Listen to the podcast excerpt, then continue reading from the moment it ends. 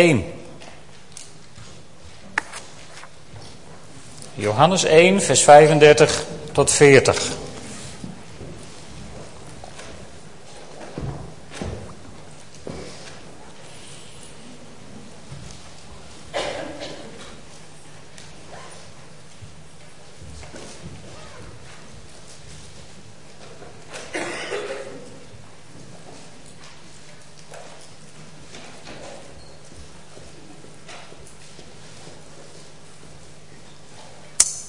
Gaan op reis.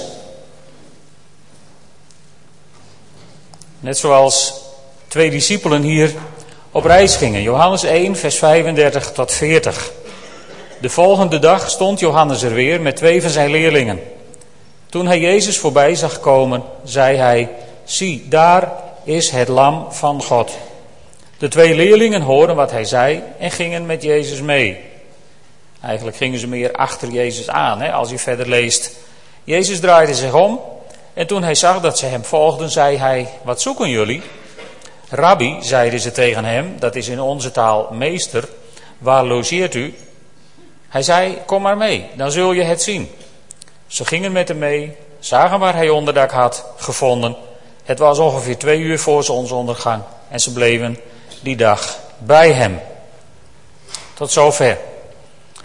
We hebben hier te maken met twee mensen die geen discipelen van Jezus Christus zijn.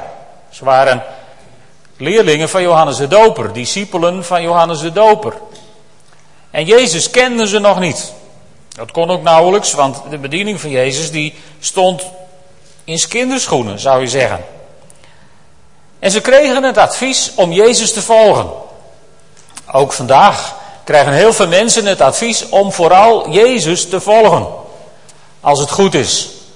Als mensen je adviseren om hen te volgen, of hun bediening te volgen, of vooral hun gemeente te volgen, dan moeten al je alarmbellen gaan rinkelen. Maar als mensen je adviseren om Jezus te gaan volgen, dan moet je alert worden, opstaan en doen wat je geadviseerd wordt. En dat advies, ja, dat krijg je als kind meestal het eerst van je ouders. En misschien van je tienerleider. Op het kinderwerk natuurlijk. Van je jeugdleider als je later wat ouder wordt. Van een evangelist. Via de televisie misschien. Misschien wel van mij. Hier het advies om Jezus te volgen. En dat is een goed advies. Daar moet je wat mee doen. Dat moet je niet naast je neer. Dat mag je niet naast je neerleggen. Want is, een, het is het enige advies op deze aardbodem wat gaat over leven en dood. Jezus volgen is een kwestie van leven. En dan zien we deze twee mannen, die maken een keuze. Ze maken een keuze. Ze laten achter wat ze hebben en ze volgen Jezus. En Jezus wil altijd weten waarom je hem volgt. Jezus prikt naar je motivatie. Ook bij deze mannen. Jezus draait zich om en die zegt: Wat zoeken jullie? Wat willen jullie? Waarom loop je mij achterna? Wat is er in je hart? Wat is je motivatie? Nou ja, ze hadden kunnen zeggen, ja, ja Johannes zei het, dus uh, dan doen we dat maar. Ze hadden ook kunnen zeggen van, ja, ik ben gewend om iedere zondag naar de kerk te gaan, dus ja, ja, ja, we komen maar. En dat was volgens mij niet wat Jezus wilde horen. Jezus wilde wat anders horen. Niet het opvolgen van een advies, niet het volgen van een gewoonte, wat Jezus zoekt is een verlangen in jouw hart. En, en dat spreken deze mannen uit door eigenlijk tegen hem te zeggen: Ja, waar logeert u? staat hier. Dat is, dat is wat, wat, wat, wat koud Nederlands, vind ik. Maar ja, ze vragen het wel. In de NBG-vertaling staat volgens mij: Waar houdt u verblijf? En als je mensen wilt leren kennen. En Geertje en ik doen dat heel vaak toch, als, als uh, mensen nieuw in de gemeente komen, proberen we dat te doen. Of, of anders, als je met mensen in gesprek bent, dat je eens bij iemand op bezoek gaat. Als je iemand wilt leren kennen, moet je op bezoek. Dan moet je kijken waar iemand woont. Waar hou je verblijf? Is eigenlijk de vraag van, van ja, mag ik eens even bij je achter de schermen kijken? Waar woon je? Hoe is het bij jou thuis? En dat zegt heel veel over mensen. En zo willen deze discipelen, ze willen Jezus leren kennen. Niet, niet uit een boekje, niet theoretisch, maar heel praktisch. Ze zeggen, waar houdt u verblijf? Mogen we eens even bij u in de keuken kijken? En dan zegt Jezus, kom maar mee, dan zul je het zien. Kom en zie. Er zijn zelfs veel gemeentes die zo heten. Hè? Kom en zie. En eigenlijk is het een heel goed advies wat Jezus je geeft. Van, kom maar, kom maar, kijk maar. Kijk maar, kijk, beleef, proef, ervaar wie ik ben, wat ik ben, wat ik kan doen in jouw leven. Proef het maar. Merk het maar. Onderzoek het maar. En zo gaan zij met Jezus mee.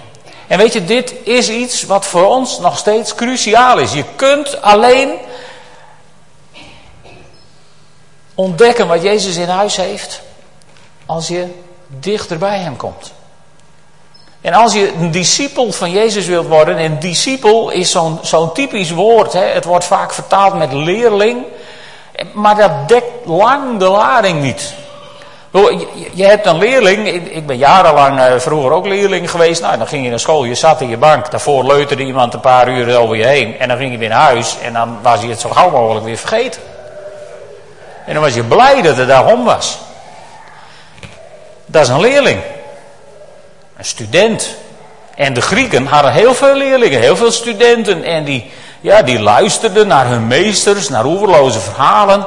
En waarschijnlijk, als je in, in, in Athene studeerde bij de Areopagus, dan, dan discussieerde je eindeloos met elkaar. En het ging nergens over. Maar als je een discipel werd van iemand, dan was dat wat anders. Een discipel worden van iemand, het staat hier eigenlijk ook wel mooi in dat stukje tussen haakjes. In onze taal meester. En dat is ook weer een beetje vervuild natuurlijk. Want vroeger zeiden wij meester tegen die man die s morgens en middags een paar uur tegen ons aanleuterde. En we waren altijd blij dat we meester de rug weer toe konden keren. Maar als hier rabbi wordt gezegd, meester, dan is dat veel meer meester in een autoriteitspositie. Als je discipel werd van iemand, dan liet je alles achter wat je had. Dan volgde je iemand waar die ook ging, zonder commentaar, zonder je ermee te bemoeien. Dan zei je ja tegen alles wat die persoon je leerde. En je deed alles wat die persoon je opdroeg. Later zegt Paulus van niemand kan zeggen Jezus is Heer dan door de Heilige Geest. Nou, er zijn heel veel mensen die zonder de Heilige Geest het nog wel over hun lippen krijgen misschien. Maar niet uit hun hart. Want Jezus is Heer, wat betekent dat? Hè? Het is ook weer een beetje taalvervuiling van, van de afgelopen eeuwen. Want Heer, ja, daarmee hebben wij soms iets misschien heel abstracts voor ogen. Iets, iets heiligs, hoogverhevens. Maar als je teruggaat naar de tijd van het, van het Nieuwe Testament. Als je dan, als iemand jouw Heer was. Dan was jij zijn lijfeigenen. Daar kwam het eigenlijk op neer, hè? Je had niks, je mocht niks, je wilde niks, je kon ook niks. Je had een Heer en die bepaalde wat je kon, wat je mocht, wat je wilde en wat je deed. Die was Heer en Meester over jouw leven. En dat kun je niet tegen Jezus zeggen zonder de Heilige Geest. Want het betekent een volkomen overgave aan de macht van Jezus Christus, aan de heerschappij van God de Allerhoogste. En dat is discipelschap. Wauw. Willen jullie nog mee? Het was wel erg stil, moet ik zeggen. Willen jullie nog mee? Ja. Oké. Dan gaan we op reis. Want hoe word je nou discipel? Ja, daar zijn heel veel boeken over geschreven, heel veel theorieën over geschreven. En ik, ik wil jullie meenemen door een aantal stappen heen. Heel lang al heb ik een, een prachtig uh, blad. Tien studies over discipelschap. Van jong en vrij. Vroeger toen wij jeugdwerker waren in Zwaagwesteinde. Gingen heel veel van onze jongeren, tieners, die gingen naar de bijbelschool. Naar jong en vrij. En daar leerden ze van alles over de bijbel. En ze werden ingezet om op scholen door heel Nederland te evangeliseren.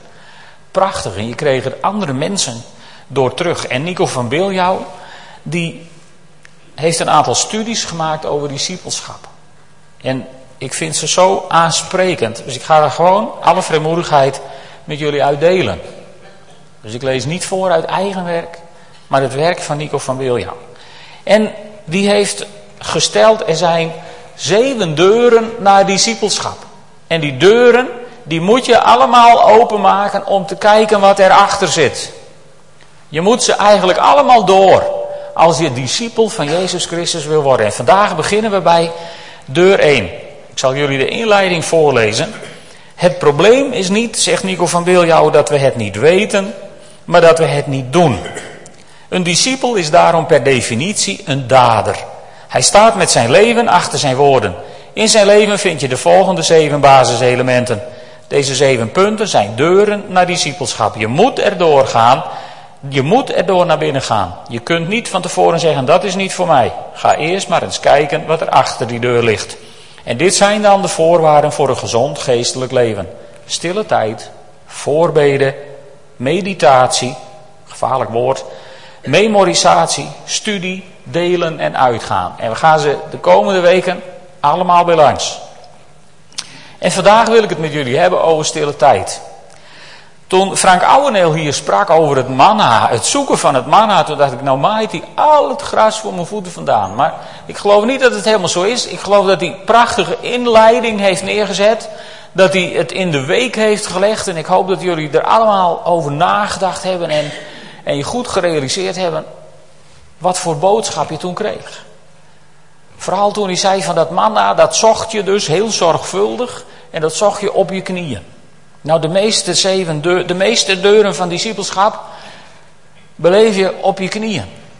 In aanwezigheid, in de tijd die je doorbrengt met God. En vandaag wil ik met jullie even kijken naar stille tijd.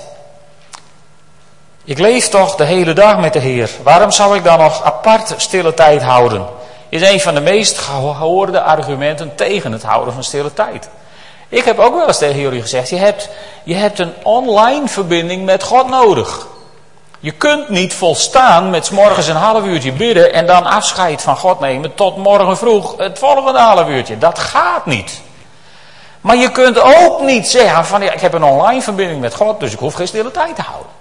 Ik heb ook een online verbinding in mijn computer, maar ik moet wel elke dag tijd besteden aan het verwerken van mijn e-mails. Want anders krijg je op een gegeven moment zo'n berichtje dat je inbox vol zit. En dan gaat het niet werken. Dus als je die online verbinding hebt, maar je neemt niet elke dag de tijd om gewoon met God ook te communiceren. Van Hem te ontvangen en naar Hem te zenden. Heb je niks aan die hele online verbinding met God. En vaak zijn het mensen die toch al niet zo sterk in hun schoenen staan, die met dit soort argumenten aankomen.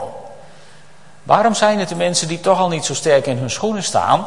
Omdat de mensen die wel stille tijd houden, die wel de tijd nemen om, om, om de Heer te zoeken en God tot zich te laten spreken, die staan juist sterk in hun schoenen.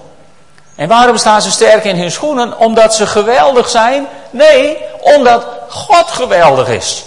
Wij geloven, wij dienen een geweldige God. Wij dienen de schepper van hemel en aarde, de vader van onze Heer Jezus Christus, die zijn zoon voor ons heeft prijsgegeven, omdat hij zo waanzinnig verlangde naar een relatie met jou en met mij. Die God, die dienen wij. En die God, die, die verlangt naar gemeenschap met je. Die verlangt naar jouw aanwezigheid. Net zoals jij misschien hopelijk verlangt naar zijn aanwezigheid. Net zo goed verlangt God naar onze aanwezigheid. En de stille tijd is een basis, een fundament van het geestelijk leven van een discipel. En uh, ja, wat is nou stille tijd? En stille tijd is natuurlijk ook in, in sommige kringen wat een beladen begrip geworden. Want er zijn mensen geweest die zeiden van ja, je moet. En er zijn mensen geweest die hebben voorgeschreven hoe lang het moest. En er zijn mensen geweest die je voorgeschreven hebben hoe laat het moest. En al dat soort geneuzel, dat mag je vergeten nu. Dat mag je uit je geheugen wissen. Want het gaat er niet om dat het moet. Het gaat niet om hoe lang het moet. Het gaat niet om hoe laat het moet. Het gaat erom dat Jezus zich omkeert en jou aankijkt en zegt, wat zoek je? Wat is er in jouw hart? Is er in jouw hart werkelijk een verlangen om mij beter te leren kennen? Is dat verlangen er? En als dat verlangen er is, lieve mensen, dan is het niet relevant of je stille tijd moet houden. Dan is er iets in je hart gekomen waardoor je stille tijd wilt houden. En als je in die stille tijd God gaat ontmoeten, dan is het niet relevant hoe lang je stille tijd moet houden. Dan is het relevant wanneer je moet stoppen omdat je ook nog wat anders moet doen. En als je die ontmoetingen met God één keer hebt en het maakt je niet meer uit hoe lang het duurt, maakt het je ook niet meer uit hoe laat het moet gebeuren. Het gaat erom dat jouw hart verlangt naar die gemeenschap met Jezus Christus. En ik kan je één ding vertellen. Jezus Christus verlangt zo ongelooflijk naar gemeenschap met jou. Dat hij ons een heel fysiek teken heeft achtergelaten in brood en in wijn, in het avondmaal. Hij heeft je achtergelaten het teken van zijn sterven. Want het brood dat wij breken is een gemeenschap met het lichaam van Christus. Dus wie ontmoet je in het brood als je dat eet? En de beker die wij drinken is een gemeenschap met het bloed van onze Heer Jezus. Dus wie ontmoet je als je drinkt uit de beker? Jezus Christus toch? Of niet? Jezus Christus.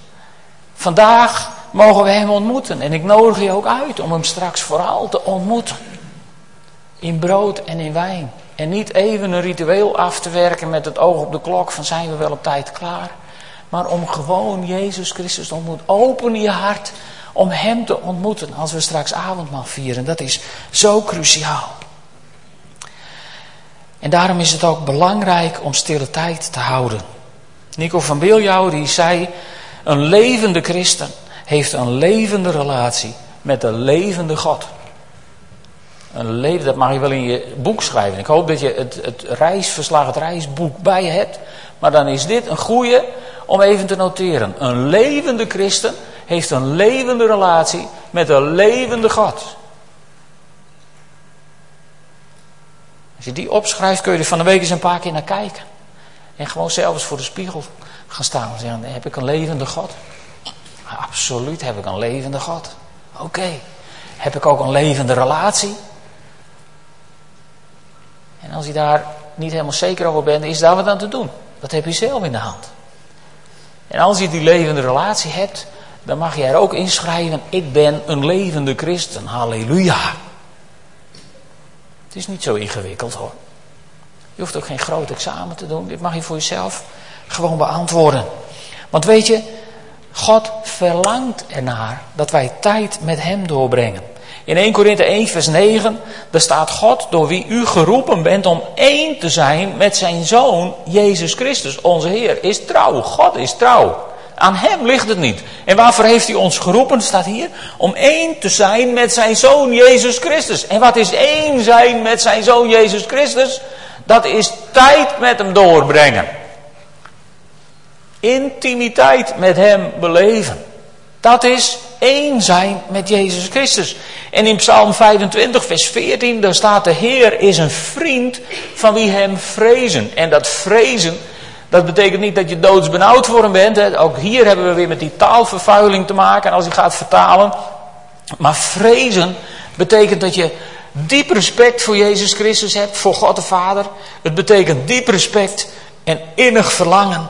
Dat betekent vrezen. Het heeft veel meer met hartstocht te maken dan met angst.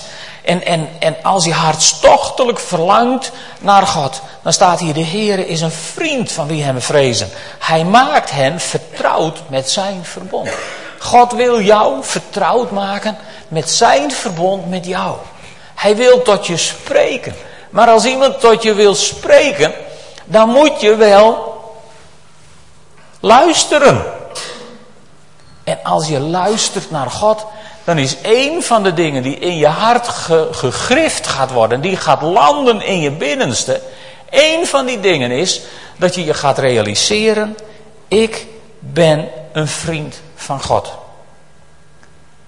Die heb ik vanmorgen, toen ik, aan, aan, toen ik aan het bidden was, heb ik die in mijn reisverslag geschreven. Misschien kun je die ook opschrijven. Ik ben een vriend van God. Is dat hoogmoedig? Nee, dat is niet hoogmoedig. Dat is de waarheid uit het woord van God. Want het staat hier geschreven. De Heer is een vriend van wie hem vrezen, van wie naar hem verlangen. En ik heb, er is één ding in mij. Ik verlang waanzinnig naar meer van God. Meer van Jezus Christus. En meer van zijn Heilige Geest. En dan zegt Psalm 25 dat je een vriend van God bent. Dat God een vriend van jou is. God is mijn vriend. Wauw. Dat zet het leven ineens in een heel bijzonder daglicht. En als God je vriend is en als jij jezelf Gods vriend vindt, dan wil je elkaar op gezette tijden ontmoeten. Dat heet stille tijd. Dat is het verlangen om tijd apart te zetten voor God. En uh, ja, wat doe je dan in die stille tijd? Ja, daar kun je van alles doen. Maar even, even om een paar misverstanden op te helderen. Stille tijd is niet je dagelijks ritueel stukje lezen uit je dagboek. Daar is niks mis mee en dat moet je vooral blijven doen als het je opbouwt, want dat is hartstikke goed. Stille tijd is niet je dagelijkse vaste lezing uit de Bijbel. Daar is niks mis mee en dat moet je vooral blijven doen, maar het is geen stille tijd. Stille tijd is niet dat je s'morgens met het weekbericht voor je neus gaat bidden voor de mensen die op het ziekenlijstje staan en die gebedsondersteuning nodig hebben.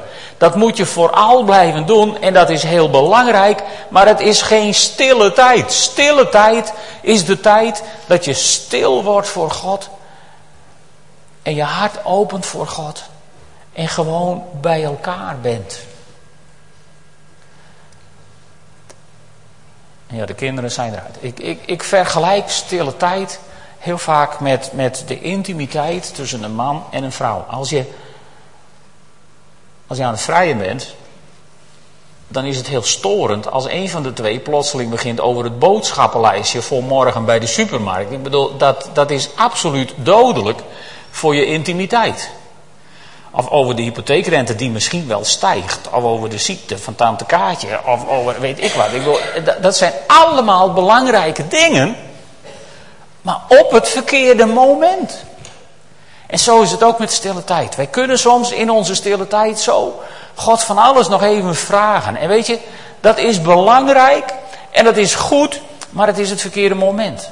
Je stille tijd, dat moet je tijd zijn waarin je je mond houdt. Waarin je intiem bent met God, waarin je je hart opent. Waarin je misschien je Bijbel openslaat en je ogen laat vallen of laat leiden door de Heilige Geest naar een Bijbeltekst die, die geweldig tot je spreekt. Dat is stille tijd. Naar God luisteren. En zeggen, Heer, wat wilt u nou vandaag tegen mij zeggen? Want ik heb zoveel tegen u te zeggen. Maar Heer, wat wilt u vandaag tegen mij zeggen? Dat is de kern, dat moet de kern zijn van je stille tijd. En die andere zes deuren, die komen ook.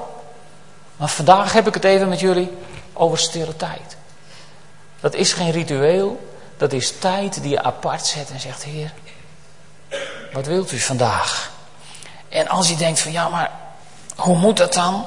En, en, en, en waar haal ik de tijd vandaan? Kom ik straks nog wel even op dan, dan zou ik willen zeggen, begin eens hier. In het woord. Het belangrijkste om te beginnen is altijd het woord. Dat spreekt voor zichzelf. Dat is volledig. Dat hoef je niet tegen te spreken. Met mij mag je het oneens zijn, hiermee niet. Dit is het woord van God. En daar staat heel veel in over stille tijd. En er staat iemand in die een geweldig voorbeeld in jouw leven wil zijn over het houden van stille tijd. En zijn naam is Jezus Christus. In Matthäus 14, vers 13. Daar heeft Jezus een, een dramatisch bericht gekregen. Er zijn mensen bij hem gekomen en die hebben hem verteld dat zijn grote vriend familielid, zijn profeet, zijn wegbereider, Johannes de Doper, was vermoord. En weet je, Jezus had een heel aantal dingen kunnen doen. Even menselijk gezien, hè. Jezus had gewoon kunnen zeggen, jongens, ik, uh, ik, ik schrap mijn bediening voor de rest van het jaar, want ik ben zo verslagen. Jezus had ook kunnen zeggen, nou, nou als dat die God is, als hij Johannes niet eens kan redden, dan hoeft het om mij niet meer. Ik, ik, ik ga niet meer naar de kerk. Dit zijn menselijke reacties hè, die ik zie onder christenen. Jezus had ook kunnen zeggen van nou, doe mij maar een borrel, want dit moet ik even verwerken. En dat deed hij niet. Wat doet Jezus als hij dit nieuws hoort? Matthäus 13, 14, vers 13. Toen Jezus hiervan hoorde, week hij per boot uit naar een afgelegen plaats waar hij alleen kon zijn. En waarom wou hij daar alleen zijn? Om stille tijd te houden. Om tegen zijn vader te zeggen: Vader, u weet het van Johannes, wat moet ik nu? Hoe nu verder? Dat mag. Je mag gewoon bij God gaan zitten en zeggen: Heer, hoe nu verder? Wat moeten we nu? En dan ga je merken dat God er is. Dan ga je merken dat God weet van je situatie. En dan ga je merken dat God zijn kracht aan jou gaat geven. Een ander voorbeeld is dat Jezus direct na de wonderbare spijziging, Matthäus 14, vers 23, dan heeft hij een hele vracht mensen te eten gegeven, een prachtig wonder beleefd. En je had helemaal in euforie kunnen zijn en je had geweldig feest kunnen vieren over het behaalde succes. En Jezus doet niets van dat alles. Hij gaat de berg op om in afzondering te bidden. En hij was daar helemaal alleen. Mooi hè? Nog zo mooie. Marcus 1, vers 35. Vroeg in de ochtend, toen het nog helemaal donker was, stond hij op, ging hij naar buiten, liep naar een eenzame plek om daar te bidden. En zo gaat het maar door, en zo gaat het maar door met Jezus. Je moet voor de aardigheid eens in je Bijbel gewoon gaan zoeken. Hoe vaak Jezus bidt, hoeveel stille tijd Jezus houdt, hoeveel tijd hij doorbrengt bij God de Vader. En Jezus houdt ook werkbesprekingen met zijn Vader. Jezus houdt in zijn bediening, zou je zeggen, nou hij is de zoon van God, hij is God zelf, hij hoeft toch niet. Ja, zelfs hij hoefde. En, en wie zijn wij dan om te menen dat we niet hoeven, hè? Jezus hield werkbesprekingen met de Vader en, uh, en dan zegt hij tegen zijn discipelen, Waarachtig, ik verzeker u, de zoon kan niets uit zichzelf doen. Hij kan alleen doen wat hij de vader ziet doen. En wat de vader doet, dat doet de zoon op dezelfde manier. Zo werkt het. Jezus wist ook waar hij het over had. Hè? Jezus was zoon van de timmerman. En, en als jongetje in de timmerwerkplaats had hij gekeken wat zijn vader deed. En dat had hij ook gedaan. Toen ik vroeger aan het verbouwen was, en ik kwam s'avonds thuis om verder te gaan met de verbouwing. Was mijn gereedschap ook altijd overal. Want de kinderen hadden gezien wat vader deed. En die waren dat ook gaan doen. En Jezus gebruikt dat voorbeeld. Nu voor zijn discipelen zegt de zoon, ik kan niks doen zonder dat ik de vader het heb zien doen. En weet hoe het moet. En, en als discipelen hebben die twaalf jongens gezien hoe Jezus het deed. En later zei Jezus, joh, ga weg, leg de handen op zieken, genezen, wek doden op, drijf demonen uit. Je hebt gezien hoe ik het deed, dus go ahead, veel plezier ermee, sterkte. En, en ja, dan kunnen wij zeggen, ja nee, wij, wij hebben niks gezien. Jawel, want dit, dit boek is het enige boek op aarde waarin je ziet wat je leest. Ben ik eigenwijs? Absoluut, want ik ben zo trots op mijn God en op dit woord van God. Dit boek is het enige boek. Als je dit leest, speelt het zich voor je ogen af en zie je wat de Vader doet. En de bedoeling is dat je dat vervolgens niet opschrijft in je reisboek, maar dat je op reis gaat en het doet. Dat is de kunst van discipelschap. Dus Jezus leefde met stille tijd. Jezus stond voor een cruciale beslissing. Hij moest twaalf discipelen uitzoeken. En wat staat er dan in de Bijbel? Wat doet hij voordat hij zijn twaalf discipelen uitzoekt? Hij brengt de hele nacht door in gebed. Wat doen wij als we het vreselijk druk hebben en voor cruciale beslissingen staan? Dan gaan we overwerken. Dan gaan we nog drukker zijn dan we al zijn. En dan hebben we helaas minder tijd om te bidden. En wat doet Jezus ons hiervoor? Als je voor cruciale beslissingen staat, als je het druk hebt, dan moet je niet gaan overwerken, maar dan moet je gaan overbidden. Dan moet je meer stille tijd houden, meer tijd bij God doorbrengen. Toen wij eh, net tot bekering kwamen, gingen wij vaak naar de, de, de lofprijsweken op de bron. En daar sprak een, een man die gewoon mij ongelooflijk geïnspireerd heeft. Zijn naam was Judson Cornwall. Hij vertelde van een voorganger in, in Berlijn. En daar was hij geweest en die voorganger die had het zo druk. Want die hebben de kerken in Duitsland die doen, uh, die, die hebben zonnescholen, bejaardenhuizen, kinderopvangcentra, uh, ziekenhuizen, whatever. Hè. Dat hoort daar allemaal bij kerken. En als voorganger heb je het dan ook heel erg druk. En toen had die voorganger tegen hem gezegd, nou heb ik het aanbod van de televisie om alle dagen een uur televisie. En dat heb ik aangenomen. En toen zei Judson tegen hem, hij vertelde dat verhaal. Hij zei, heb ik tegen hem gezegd, joh, maar je hebt het al zo druk. Want weet je wel hoeveel tijd het kost om een uur televisie te maken? En toen was het antwoord van deze voorganger, hij zei, ik weet hoeveel tijd het kost, maar ik heb hier jaren voor gebeden en ik heb tegen de Heer gezegd, als ik een uur televisie per dag krijg, ga ik een uur langer bidden per dag. En kostte het hem een hoop tijd?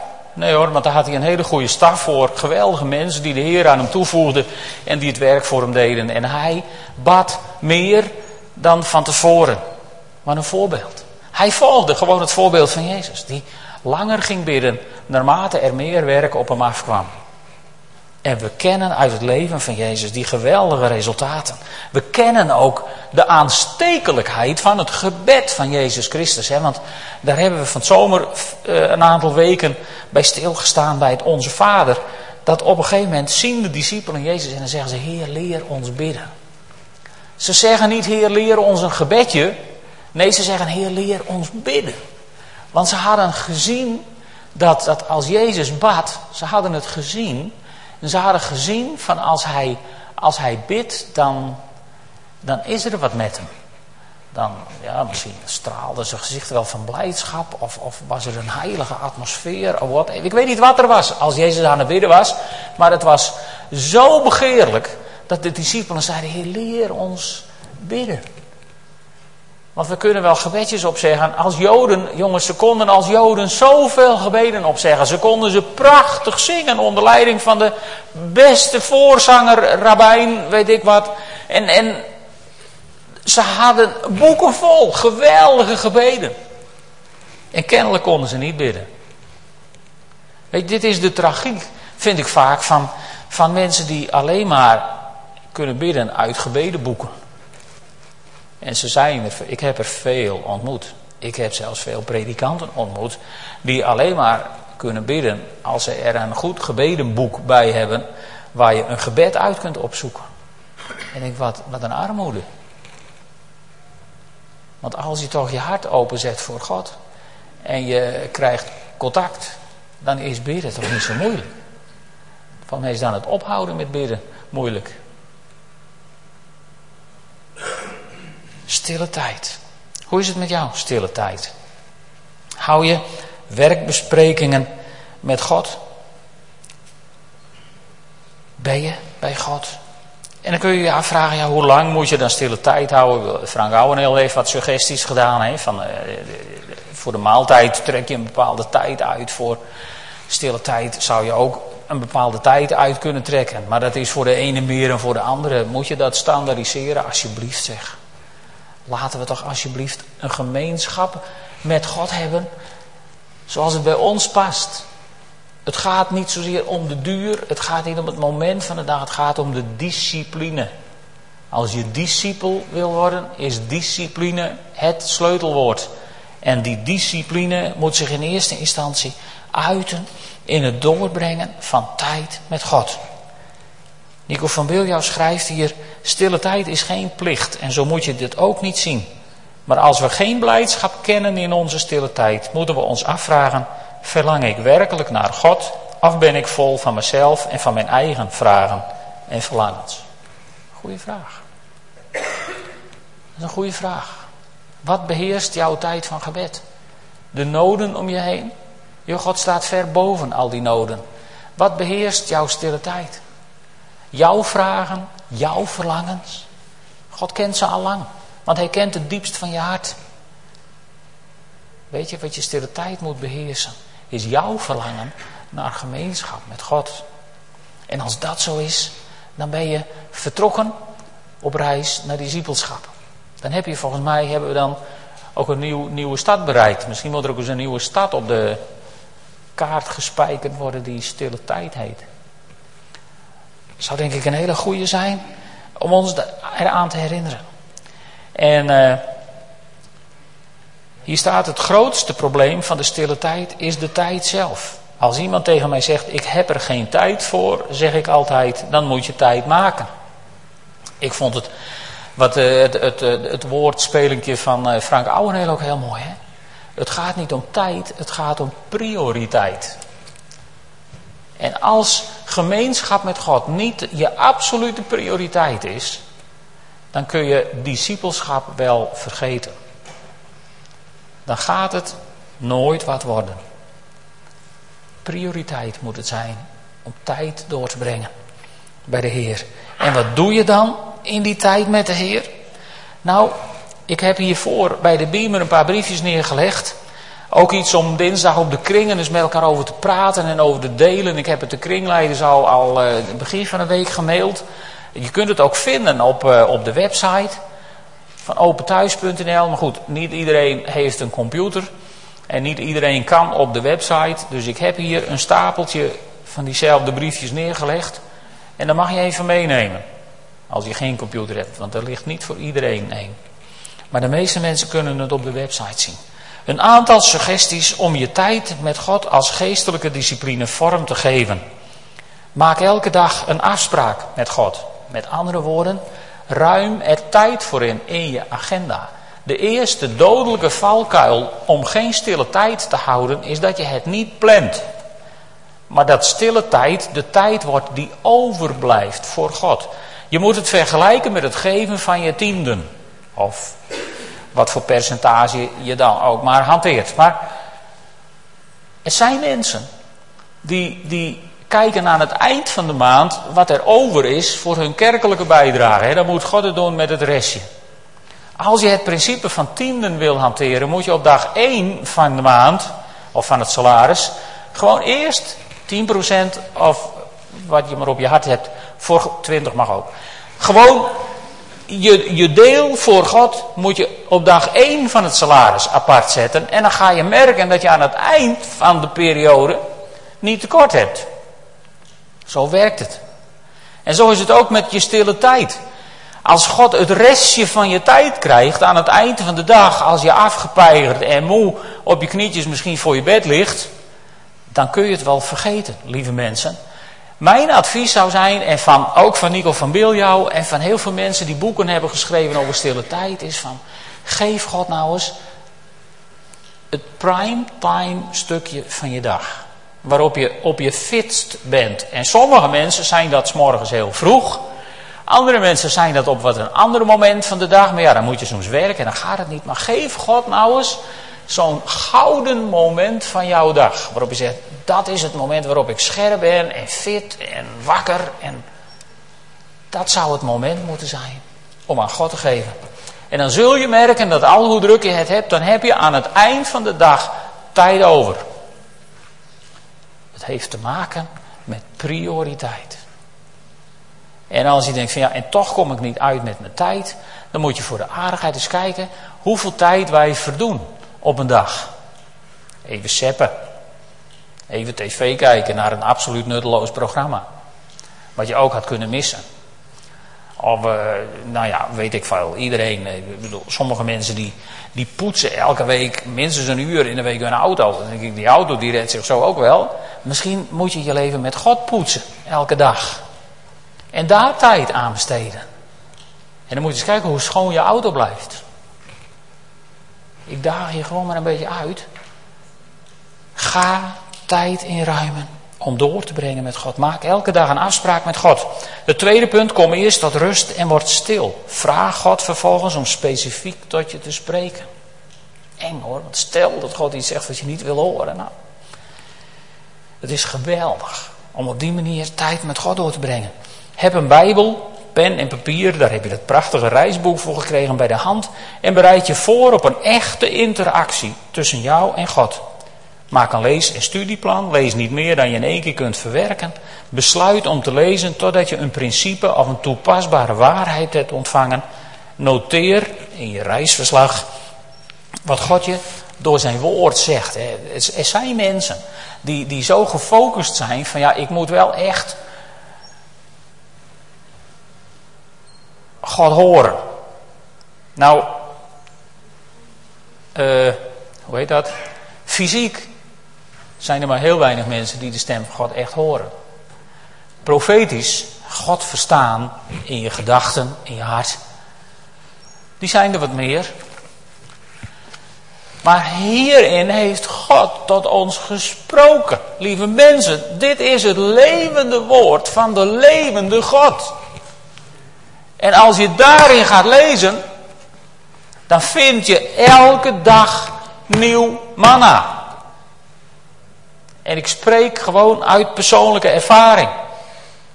En als je daar begint, zul je merken dat God door zijn woord heen tot je spreekt. En dan zul je van die, van die momenten hebben dat je denkt, zo vaak gelezen, nooit gezien, hoe is het mogelijk? Nou, dat is God die tot je spreekt. En dan zul je merken dat, dat God ook gewoon tegen je gaat spreken.